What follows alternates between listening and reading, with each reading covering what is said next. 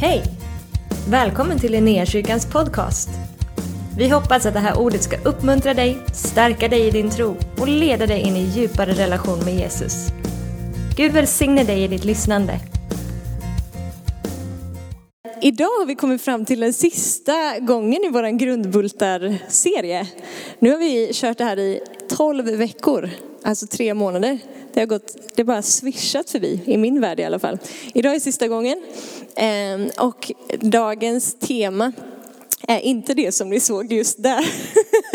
Det var förra veckan, det var också bra. Ehm, men idag ska vi prata om hopp för framtiden. Ehm, vi ska prata lite om att Jesus ska komma tillbaka. Och vi ska börja med att läsa ett gäng bibeltexter bara för att eh, liksom fastslå fakta som Bibeln ger oss. Eh, och vi ska börja i Apostlagärningarna kapitel 1. Jag tror vi får upp den där på skärmen. Det tror vi. Yes. Apostlagärningarna 1 från vers 6. När de nu var samlade frågade de honom, det här är alltså lärjungarna, Herre, är tiden nu inne då du ska återupprätta riket åt Israel? Han svarade dem, det är inte er sak att veta vilka tider eller stunder som Fadern i sin makt har bestämt. Men när den helige ande kommer över er ska ni få kraft och bli mina vittnen i Jerusalem, i hela Judeen och Samarien och ända till jordens yttersta gräns.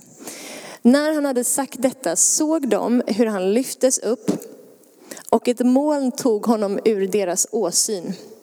Medan de såg mot himlen dit han steg upp stod plötsligt två män i vita kläder hos dem.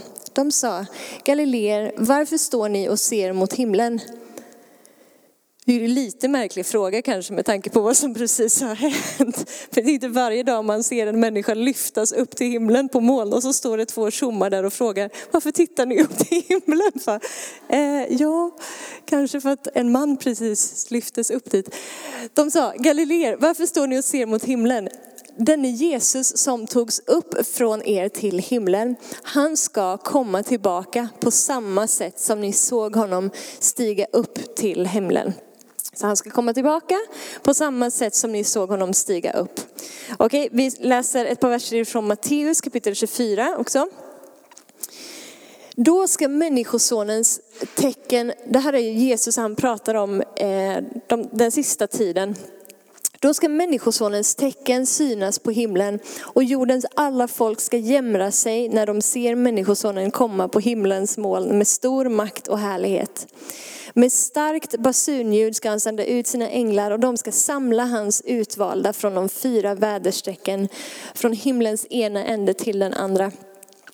Eh, har du aldrig gjort det någon gång så kan jag rekommendera dig att gå hem och läsa hela Matteus eh, 24 och 25. Men för liksom tidens skull så hinner vi inte läsa två hela kapitel. Men Jesus pratar i alla fall lite om, om eh, hur det ska vara i den sista tiden. Okej, ett sista bibelord innan vi eh, hoppar in lite mer. Första Thessalonikerbrevet kapitel 4 och vers 16-17. När en befallning ljuder, en ärkeängels röst och en Guds basun, då ska Herren själv komma ner från himlen och de som har dött i Kristus ska uppstå först. Därefter ska vi som lever och är kvar ryckas upp bland skyar tillsammans med dem för att möta Herren i rymden. Och så ska vi alltid vara hos Herren. Jag läser den igen. När en befallning ljuder, en ärkeängels röst och en Guds basun, då ska Herren själv komma ner från himlen. Och de som har dött i Kristus ska uppstå först. Därefter ska vi som lever och är kvar ryckas upp bland skyar tillsammans med dem för att möta Herren i rymden. Och så ska vi alltid vara hos Herren. Eh. Jag vet inte vad, vad, du är uppvuxen i för eh, sammanhang, om du har liksom varit i kyrkliga sammanhang länge och vad det har varit för typ av sammanhang. Men eh, de sammanhangen som jag har liksom varit i under Eh, min, min barndom och sen eh, jag liksom började gå med Gud på allvar i tidig eh, unga vuxen ålder eller sådär så har man inte pratat så mycket om Jesu återkomst. Det har liksom inte varit den spiken som man har hamrat på. Jag, jag skulle tro att några generationer bak så är man lite mer van att höra det här budskapet om hans återkomst. Men, men för mig och kanske liksom fler i min generation så är inte det det vanligaste budskapet. Um, och när jag läser sådana här texter, eller tänker på det här, så det känns nästan lite som en saga för mig. För det känns så, så otroligt liksom, långt borta bara på något sätt. Eh, och jag får någon slags så här, bokmärkesbild framför mig. Liksom. Jesus kommer liksom pampigt på något slags moln och det är liksom åska och blixt och dunder och, och hela faderullan. Jag ser någon slags flanellograf-grej framför mig. Har ni vuxit upp med flanellograf eller? Det, finns det, använder folk det nu? Ja!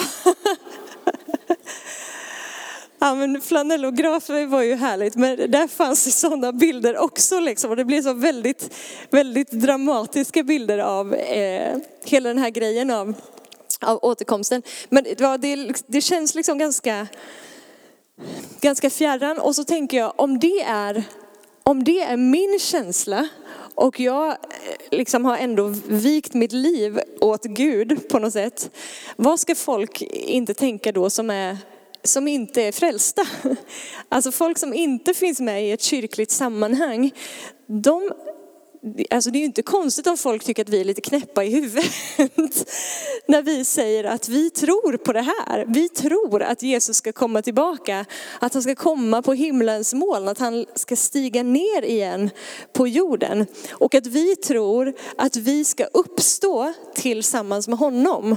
Och att det ska bli en ny himmel och en ny jord. Och att vi ska få nya kroppar. Att vi ska få nya uppståndelsekroppar. Det är ju liksom alltså till och med för oss, eller för mig i alla fall, som tror bara, what? Det här är så ofattbart stort liksom. Så jag, jag, förstår om det här är svårt att ta till sig för gemene man som liksom inte överhuvudtaget har, har gett sitt liv till eh, Gud. Men att tro på Jesu återkomst för oss, det är ju egentligen inte konstigare än att tro på uppståndelsen. Eller att tro på himmelsfärden. För tänker vi efter så är det ju liksom eh, mindblowing att Jesus har uppstått från de döda. Och det är ganska mindblowing det som vi läste från apostlagärningarna här också, att han har stigit upp till himlen. Alltså att han liksom på moln bara stiger upp för att sätta sig på faderns högra sida. Och det är liksom inte bara något, en andlig flummig grej som händer. Det här är liksom Jesus i en fysisk kropp som lärjungarna står och tittar på när han lyfts upp till faderns högra sida. Men vi, vi tror ju på det. Som kristna så bekänner vi oss till det. Det var precis de grejerna som vi läste här i, i trosbekännelsen och säger att det här är det som vi håller fast vid. Och tror vi på uppståndelsen och på himmelsfärden, då måste vi också tro på återkomsten. För att om Jesus har uppstått från de döda, då betyder det att han har besegrat liksom dödens makt. Syndens absoluta konsekvens och, och liksom den yttersta frukten av synden som var döden. Om någon ska kunna uppstå från de döda så betyder det att det namnet står över döden. Det namnet är större. Och nu har Jesus uppstått från de döda. Det betyder att hans namn står över alla andra namn. Det betyder att han är den störste. Det betyder att han är den högste. Och eftersom att han har uppstått från de döda, då innebär det att det han säger om sig själv är sant. Då måste du och jag, om vi bekänner oss till att vi tror att Jesus har dött och uppstått och han har stigit upp till Fadern, då måste vi också ta honom på allvar när han säger någonting. För det han säger om sig själv stämmer ju då. Och nu råkar det vara så att han säger att han ska komma tillbaka.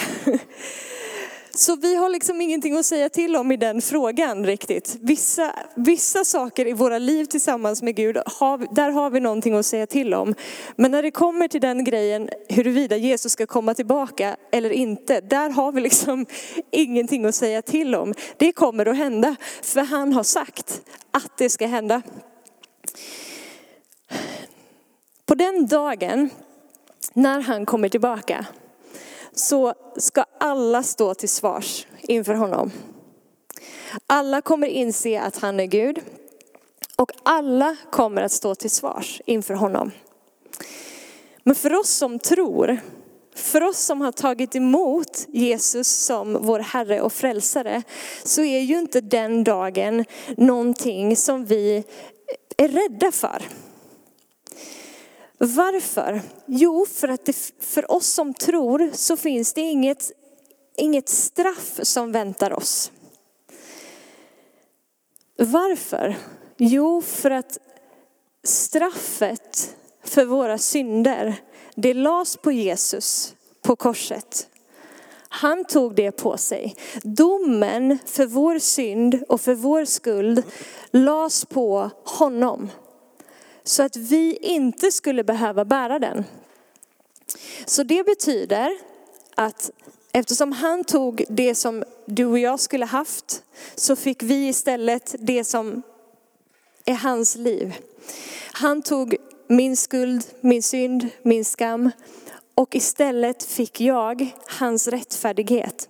Så den dagen som han kommer tillbaka så står vi som tror och har tagit emot honom som Herre och Frälsare i våra liv, vi står iklädda hans rättfärdighet.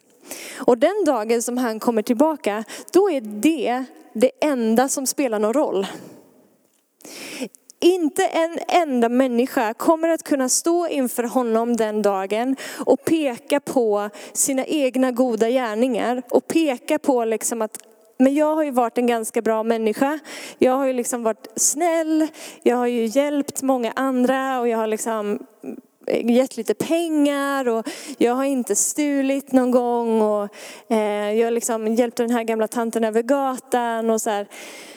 Jättebra att du har gjort det. Men det frälser dig inte. Ingen av oss kan peka på våra egna goda gärningar. Det är inte det som gör att, att du står frikänd inför honom på den dagen.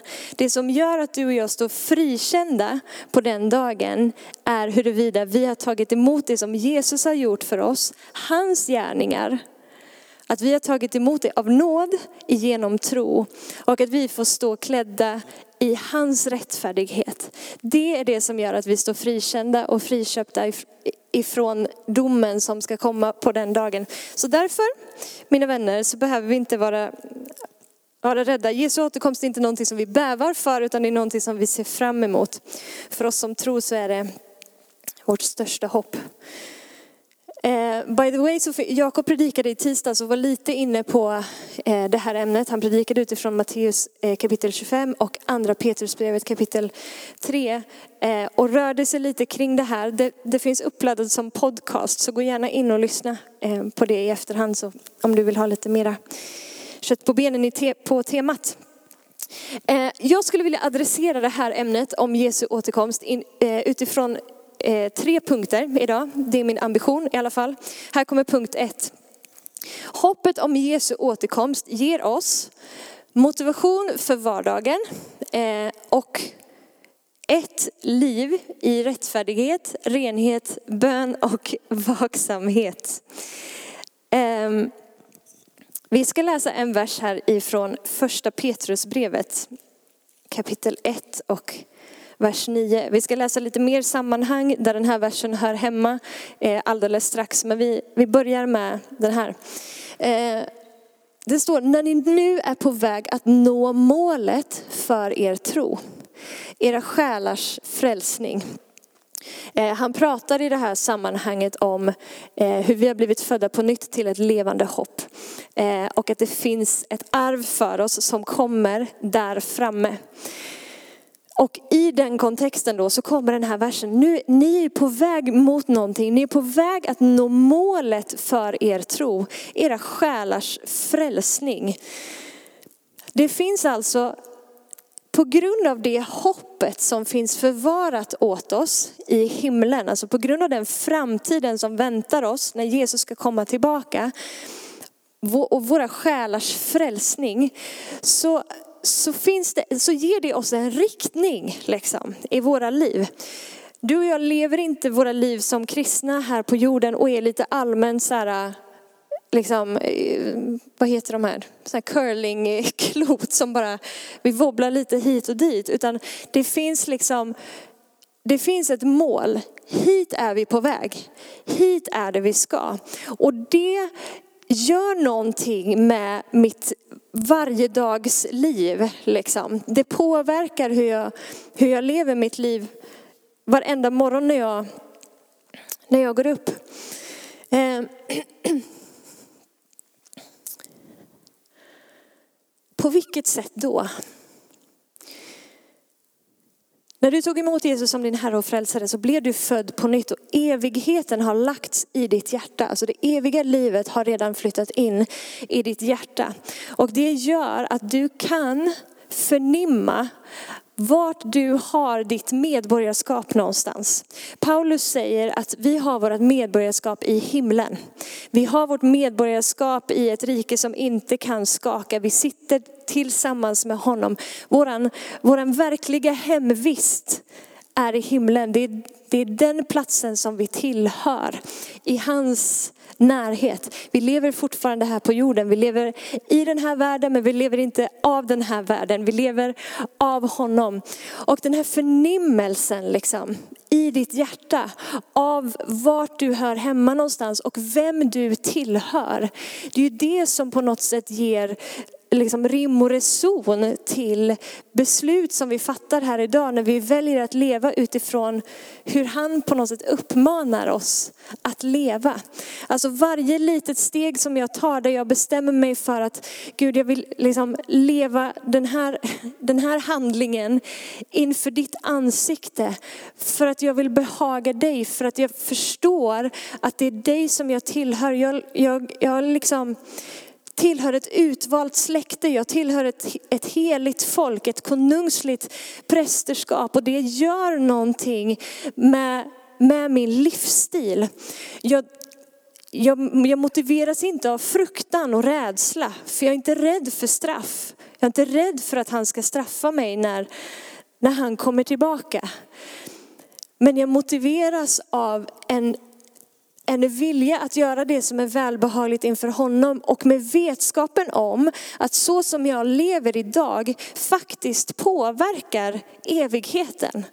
Alltså du, du har blivit en, en evig varelse den stunden som du tog emot Jesus. Eh, så allting som du gör kommer någonstans att ringa i evigheten. Det finns bibelord som säger att när han kommer tillbaka så kommer, så som vi har byggt våra liv, det kommer att prövas. Och det kommer att visa sig vad vi har byggt med. Det kommer att visa sig vad vi har haft för motiv och agenda och avsikter när vi har gjort saker. Har vi gjort rätt sak med rätt motiv eller har vi gjort rätt sak med, med fel motiv? Gud vet om det. Ehm, det kommer uppenbara sig. Kommer det påverka huruvida du liksom få tillbringa evigheten med honom eller inte? Nej, det slog vi fast precis i början, att det är inte dina gärningar som frälser dig. Det är bara att du har tagit emot hans verk i ditt liv av nåd genom tro. Det är det som avgör din eviga destination. Men dina och mina gärningar påverkar belöningen som vi får i evigheten. Ehm, det kan du också gå hem och studera lite mer om vid, vid tillfälle. Vi hinner inte gå in allt för mycket på det just nu. Men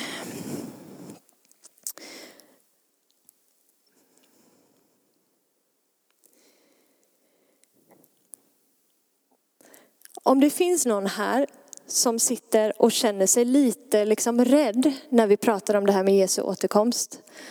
Tycker att det känns lite obehagligt och bara så här, ah, jag, vill inte, jag vill inte tänka på den dagen. Det blir som lite jobbigt, känns lite för främmande. Så, tror jag, så här kan det vara för min del i alla fall.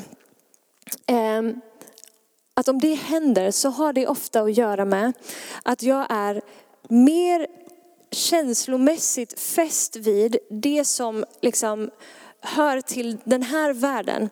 Jag är mer känslomässigt fäst vid det som jag kan känna och ta på här. Det som är materiellt eller vid mänskliga relationer. Så att känslan av liksom att, att Jesus skulle komma tillbaka och att jag ska liksom gå bort tillsammans med honom och kanske lämna flera av de människorna jag älskar. Bara nej, jag vill inte. Men det har ju att göra med att jag är, är mer känslomässigt fäst vid det än vad, jag är, än vad jag har mitt hjärta förankrat i den osynliga världen. Det finns en synlig värld, det finns en osynlig värld. Det finns en förgänglig värld och det finns en oförgänglig värld. Eh, och jag tror att det är möjligt för oss att leva på ett sådant sätt där, där ditt och mitt hjärta är liksom mer förankrat och fäst i det som är den osynliga världen, det som är den oförgängliga världen, det som hör till Jesus, till hans rike än vad vi är fästa vid det som är här och nu. Betyder det att vi ska gå runt och börja vara liksom andliga flumpuckon liksom, som inte kan relatera till någonting av det som vi möter här. Liksom. Nej, verkligen inte. Men jag, men jag tror samtidigt att det finns någonting i oss ibland som behöver liksom vakna upp lite för hans verklighet och att vi igen bara får förnimma och bli befästa i just det. Det är där jag har min hemvist. Eh, och om du finns här som liksom känner igen dig i det här så tänker jag att vi ska, vi ska be, och det här är liksom en bön för mitt eget liv också, att Guds närvaro bara skulle få liksom falla över mig igen. Att Guds närvaro skulle få drabba mig igen. För på platsen av hans närvaro, där, där växte där känslan i oss, liksom, där vi påminns om vem det är vi tillhör. Känslan väcks i oss igen där vi liksom kan förnimma på något sätt doften av himlen. Platsen av hans närvaro doftar himlen. Varför? Jo, för att Jesus är himlen. Jesus är sin närvaro. Eh, var, liksom när vi tillber så här i gudstjänsterna, vad är det vi gör? Men någonstans, vi, bara, vi öppnar oss själva för hans närvaro i våra liv. Där han igen får liksom drabba oss och komma och påminna oss om vem han är och vem jag är och vart jag faktiskt tillhör. Och att det är hos, till honom som jag är på väg. Och det är den riktningen som ger mig liksom mål och syfte med allting det som jag gör här. Så vi ska be det sen, att hans närvaro bara fick drabba våra hjärtan igen. Vi ska läsa från Filipperbrevet kapitel 1 och vers 21 till 25. Kanske att vi får den på skärmen. Filipperbrevet kapitel 1, vers 21 till 25.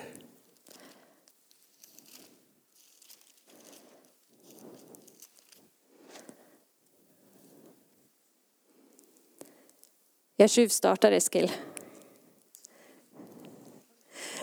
Så här säger Paulus. För mig är livet Kristus och döden en vinst. Men om livet här i kroppen innebär att mitt arbete bär frukt, då vet jag inte vad jag ska välja. Jag dras åt båda håll. Jag har en längtan att bryta upp och vara hos Kristus. Det vore mycket bättre. Men för er skull är det mer nödvändigt att jag får leva kvar här i kroppen. Det är jag övertygad om och jag vet att jag ska få leva och vara kvar hos er alla och hjälpa er till framsteg och glädje i tron. Alltså för att kunna säga så som Paulus säger här, att för mig är livet Kristus och döden en vinst. Då har man ju hittat någonting i sitt liv. Då har man ju blivit drabbad av någonting i sitt liv. Då har man ju blivit gripen av någonting. Jag vet inte hur många, hur många gånger du har sagt det, liksom, att för mig är livet Kristus och, och döden en vinst. Och helst skulle jag bara vilja gå hem och vara hos Jesus. Um, om du har sagt det någon gång, om den längtan är liksom verklig för dig. Men, men så säger han samtidigt att ja, men jag förstår att eftersom att Gud dröjer med att komma tillbaka så verkar det som att det ändå fyller en funktion att jag är här. Och då, eftersom att jag är här nu, även om jag vet att det är dit jag är på väg, det är till honom jag är på väg. Eftersom jag är här nu så kommer jag att tjäna troget.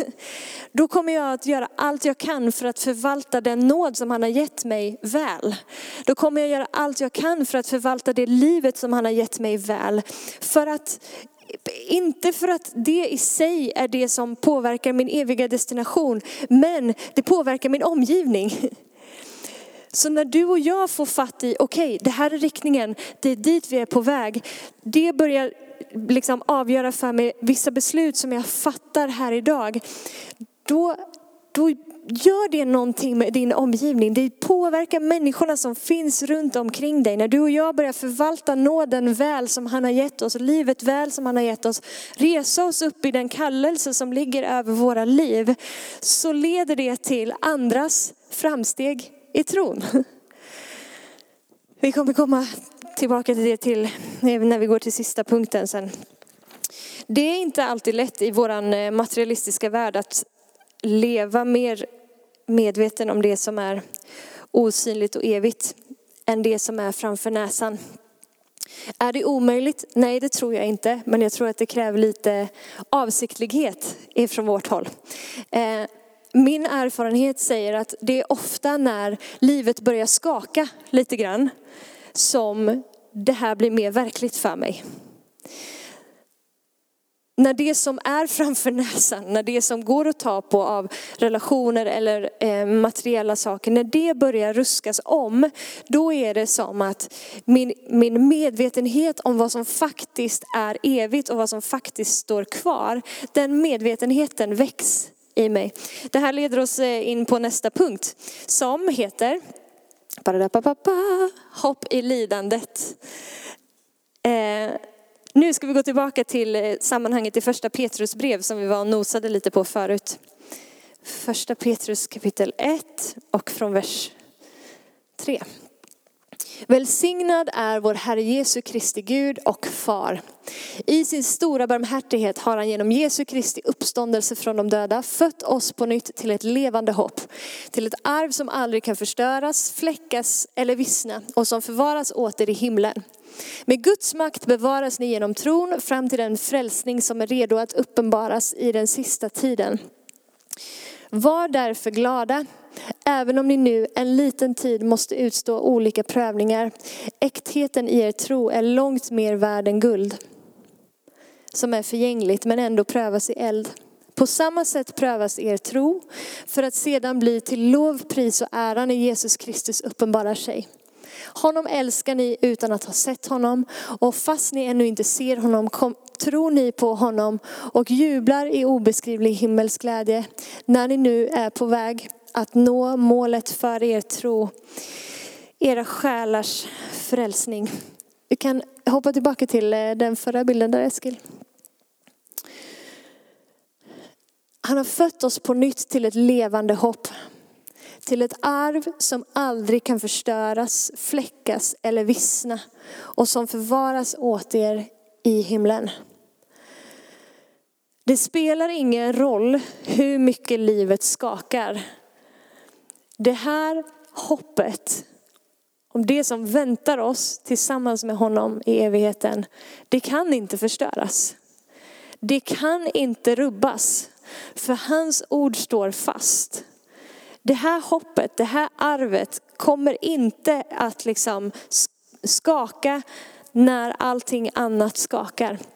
Så om du och jag har våra hjärtan förankrade i det, i det som väntar, i det som ligger framför, i hans återkomst och att vi ska få vara tillsammans med honom för evigt. Då kan livet skaka hur mycket det vill utan att vi trillar omkull. Det kan må kännas som att vi trillar omkull, men det betyder inte att vi trillar omkull. För det finns någon slags liksom, stabilitet på vår insida som är byggt på det här. Det är klippan som våra fötter faktiskt står på.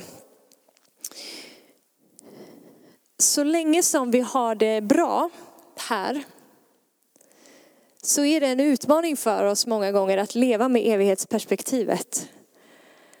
Ehm, jag tycker när man läser och hör vittnesbörd om, om kristna som lever i, i länder där det finns förföljelse och sådär, där, där de mer eller mindre varje dag liksom riskerar sina liv om de står upp för sin tro på Jesus.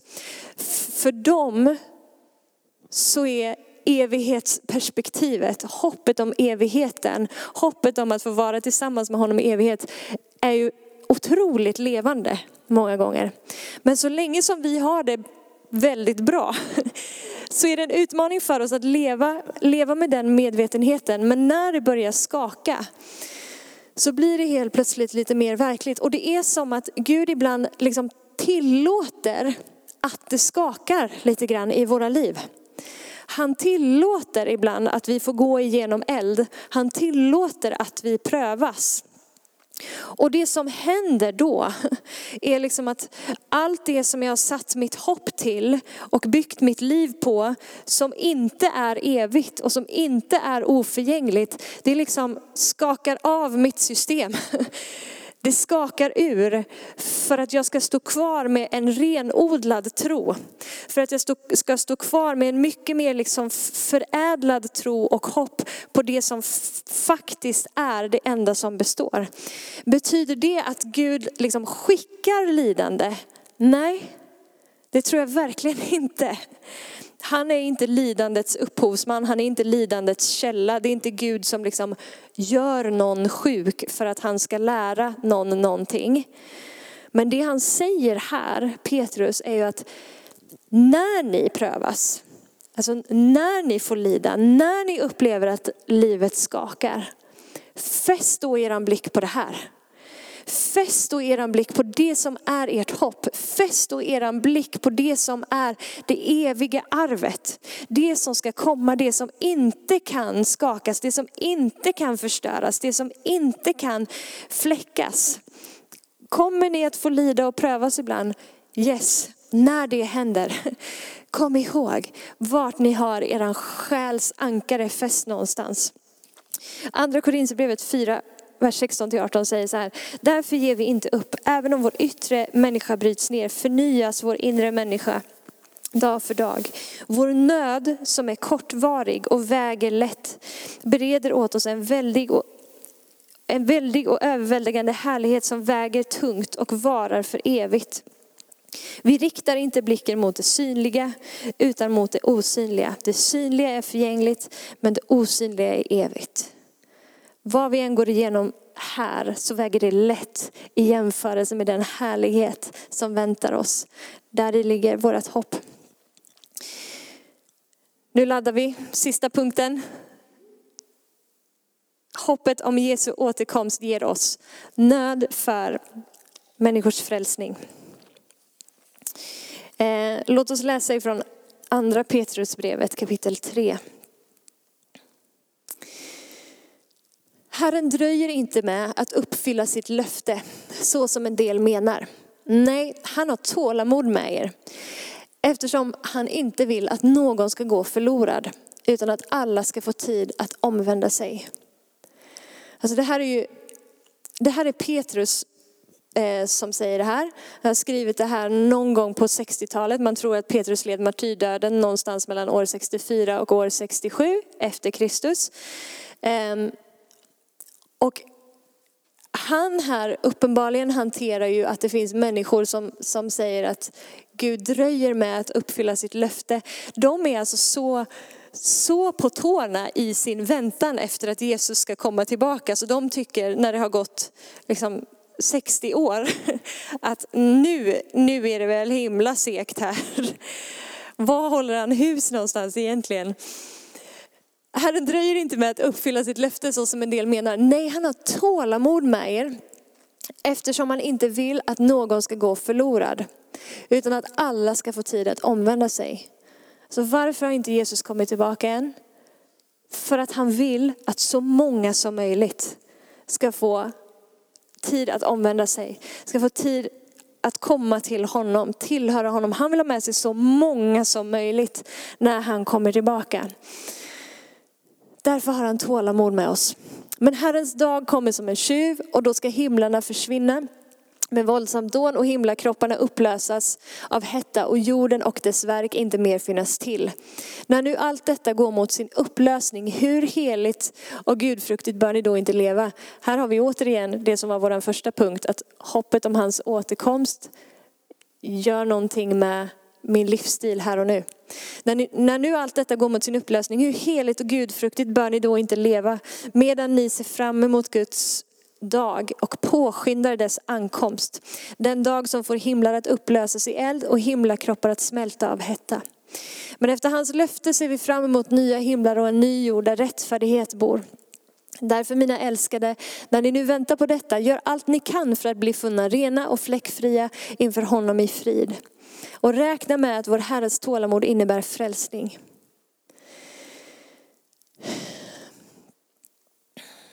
Vi väntar efter Herrens dag och vi påskyndar dess ankomst. Hur påskyndar vi dess ankomst? Genom att berätta för människor om Jesus. Genom att dela evangeliet. Genom att säga till människor, du behöver bli frälst. För Jesus kommer tillbaka. Och det enda som hjälper oss på den dagen är om vi har tagit emot hans frälsning av nåd genom tro och blivit iklädda hans rättfärdighet. Det är det enda hoppet. För mig, när jag liksom börjar meditera lite på det här, att han ska komma tillbaka och börja föreställa mig den dagen. Att det faktiskt kommer en dag som kallas Herrens dag, det kallas för, för domens dag. Där, där Gud faktiskt ska komma och, och döma Hans ord säger att han ska komma och döma ogudaktiga. Och det faktum att åt alla de som tog emot honom gav han rätt att bli Guds barn. De som tog emot honom. Det är lite jobbigt för oss. Jag tycker nästan det är lite jobbigt att stå och säga här liksom att ja, men jag tror att har du inte tagit emot honom som din Herre och Frälsare så kommer du inte spendera evigheten med honom. Men jag kan liksom inte låtsas som att det inte står så. Vi, vi predikar i den här kyrkan inte liksom en universalism som, som innebär Jesus har dött för alla människor, därför är alla automatiskt frälsta och alla får automatiskt komma till himlen. Det är inte vad vi tror att Guds ord säger. Vi tror att han har dött för alla människor. Alltså han, har, han har tagit alla människors synd på sig och gjort det möjligt för alla människor att få komma till honom. Men du behöver själv gensvara till det han har gjort. Du behöver själv välja att ta emot det som han har gjort. Alltså du blir inte en bil för att du ställer dig i ett garage. Du blir inte Guds barn för att du sätter dig i en kyrkbänk. Du blir Guds barn för att du vänder om från din synd. Ber om syndernas förlåtelse och säger Jesus Kristus, jag tror att du har uppstått ifrån de döda. Och jag vill att du ska vara min Herre och min frälsare. Det är evangelium. Det är inte hårda nyheter, det är goda nyheter. Men det är ett budskap som kräver att du fattar ett beslut. Och det är lite jobbigt för människor att göra, för det är utmanande, för du ställs inför ett, ett faktum där du liksom behöver välja väg. Vi tycker det är lite skönare liksom att bara prata om att Jesus älskar dig och Gud är god. Det är ju mycket lättare att säga det till människor, men att säga du behöver omvända dig från din synd och ta emot Jesus som din Herre. För Jesus ska komma tillbaka. Han älskar dig. Han älskar dig så mycket så att han har dött för dig.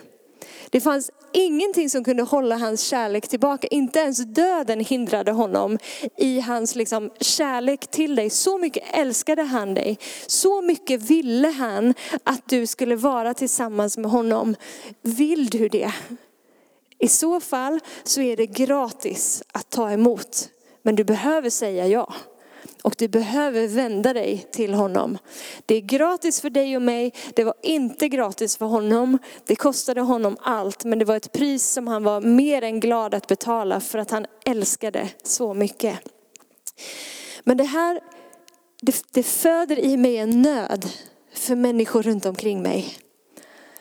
Jag kan nästan ibland så här, ni vet, bara vardagen går liksom och ibland så hamnar jag i någon slags lite så här likgiltighet nästan inför de som jag har i min omgivning som inte känner Gud än.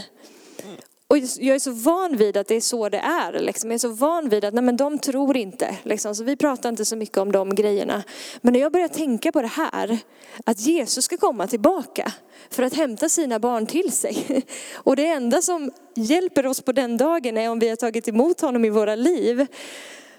Men jag får sån nöd för de som finns i min närhet och för andra människor också som inte liksom har tagit emot honom, som inte känner honom. Det, det kickar igång någonting på min insida som gör att jag bara, jag måste dela med mig. Det här är ju på riktigt liksom. Vi tror ju inte som sagt att det här är en saga, att det är någon slags liksom bara fin bokmärkesbild där Jesus kommer på någon slags moln och, och tutar i någon slags trumpet. Liksom. Det är på riktigt. Om vi tror att han har uppstått på riktigt och stigit upp till himlen på riktigt, då tror vi att han ska komma tillbaka på riktigt. Det gör någonting med dig och mig. Det får liksom för mig så känns det som att församlingen liksom vaknar upp för det som är vårt uppdrag, nämligen att vadå? Gå ut och göra alla människor till lärjungar. Döp dem i Faderns, Sonens och den helige Andes namn och lär dem att hålla allt vad jag har befallt Det är ju vad Jesus har sagt till oss att göra. Hur påskyndar vi hans ankomst? Jo, genom att gå ut, göra fler människor till lärjungar. Se till att fler får följa med på den här resan. Jesus längtar efter dem, Fadern längtar efter dem, Anden längtar efter dem. De vet bara inte det. Men jag vill inte slappna i min iver här. Jag vill liksom inte hamna för min egen del i så här, oh, det var så fin gudstjänst idag och vi sjöng så fina sånger. Det var, det var en fin stund. Och så går jag hem och så liksom... Alltså det är så, det är så lätt att vi bara sitter här och har vår egna härlighetsklubb. Liksom. Men det här det, det, liksom, det tänder någonting på min insida. Det, det ger mig ett driv, det ger mig en liksom sense of urgency. Att det här är viktiga, viktiga grejer. Nu ska vi gå in för landning vänner.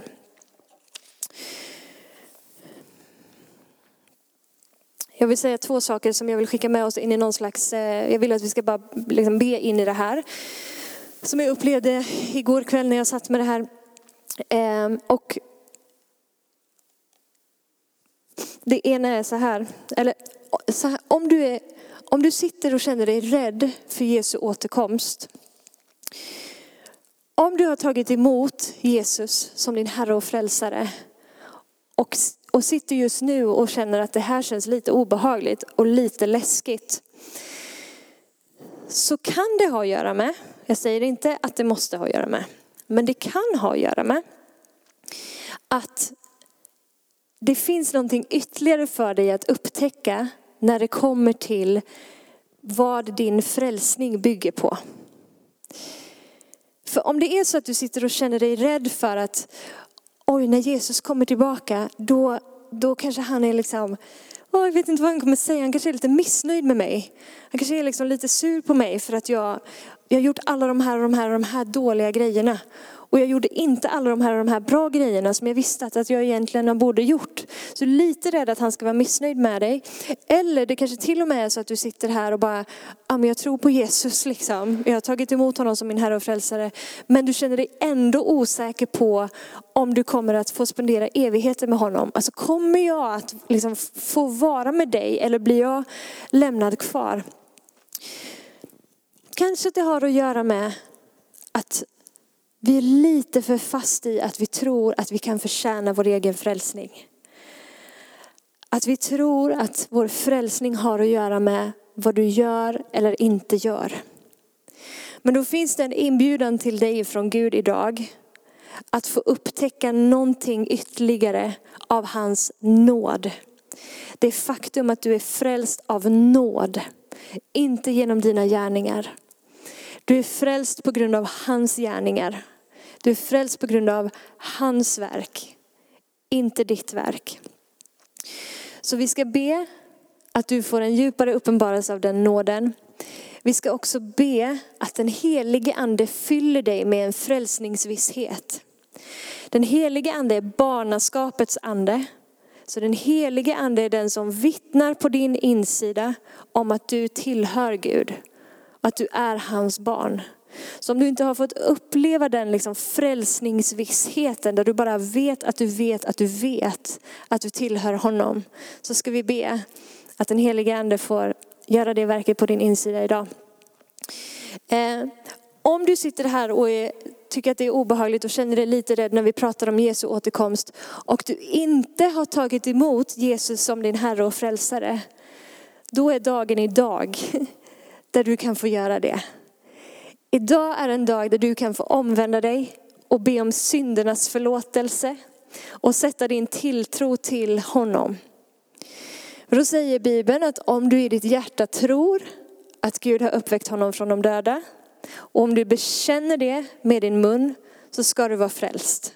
Och åt alla de som tog emot honom ger han rätten att bli Guds barn. Så idag är den dagen som du faktiskt kan få kliva över från mörker till ljus.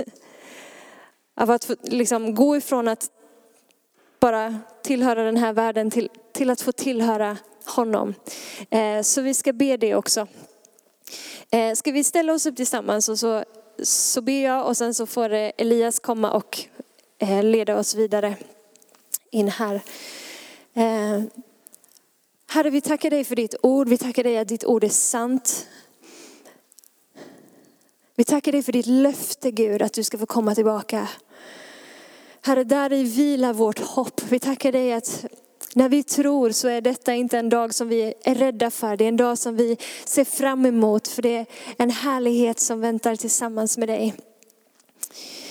Tackar dig att vi får stå frikända inför ditt ansikte. Och Herre, jag ber just nu för den som kanske känner sig rädd, den som är född på nytt men som ändå känner sig rädd och inte riktigt är säker på sin frälsning. Jag ber helige ande att du just nu bara ville fylla den personen med en sån frälsningsvisshet.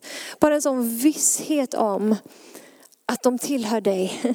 Att jag tillhör dig, jag tillhör dig, jag tillhör dig. Tack helige Ande att du är barnaskapets ande. Du vittnar i oss om vem det är vi tillhör. Tack för den tryggheten. Vi bara talar till all rädsla just nu att rinna av. I Jesu namn.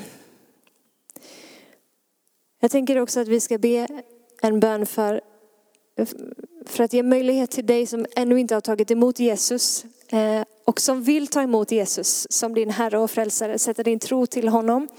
Ehm, så ska jag leda i en bön. Och för att göra det lättare för den personen som eventuellt ber den här bönen för första gången så ber vi den alla tillsammans så behöver ingen känna sig ensam eller utpekad.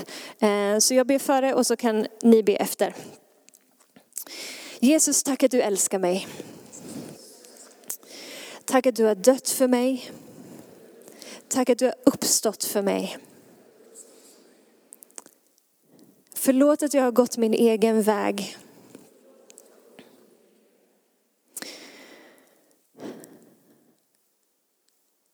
Tack att du har betalat priset för min synd. För att jag skulle kunna stå fri och få tillhöra dig. Så jag vänder om ifrån min synd jag ber om förlåtelse. Och jag ger mitt liv till dig. Tack att du gör mig till ditt barn. Tack att du föder mig på nytt. Kom och var min Herre. I Jesu namn. Amen. Om du har bett den bönen för första gången idag så är du nu ett Guds barn och du kan vila tryggt i vem du tillhör. Tack för att du har varit med oss. Hoppas du känner dig inspirerad av Guds ord och har fått nya perspektiv. Hör gärna av dig till oss och berätta om Gud har rört vid dig på något sätt. Vi är så glada att få höra vittnesbörd om vad Gud gör. Du kan mejla oss på adressen info och dit kan du även mejla om du har ett böneämne som du önskar att vi ber för. Eller om du har tagit emot Jesus och inte har någon bibel så vill vi mer än gärna skicka en bibel till dig. Skicka ett mejl med ditt namn och dina adressuppgifter till info så ser vi till att du får en. Om du vill ge en gåva till Linnéakyrkans arbete för att nå fler människor med evangelium så kan du swisha till 123 520 0993. Du kan också besöka oss på linneakyrkan.se för att få mer information. Välkommen tillbaka att lyssna snart igen.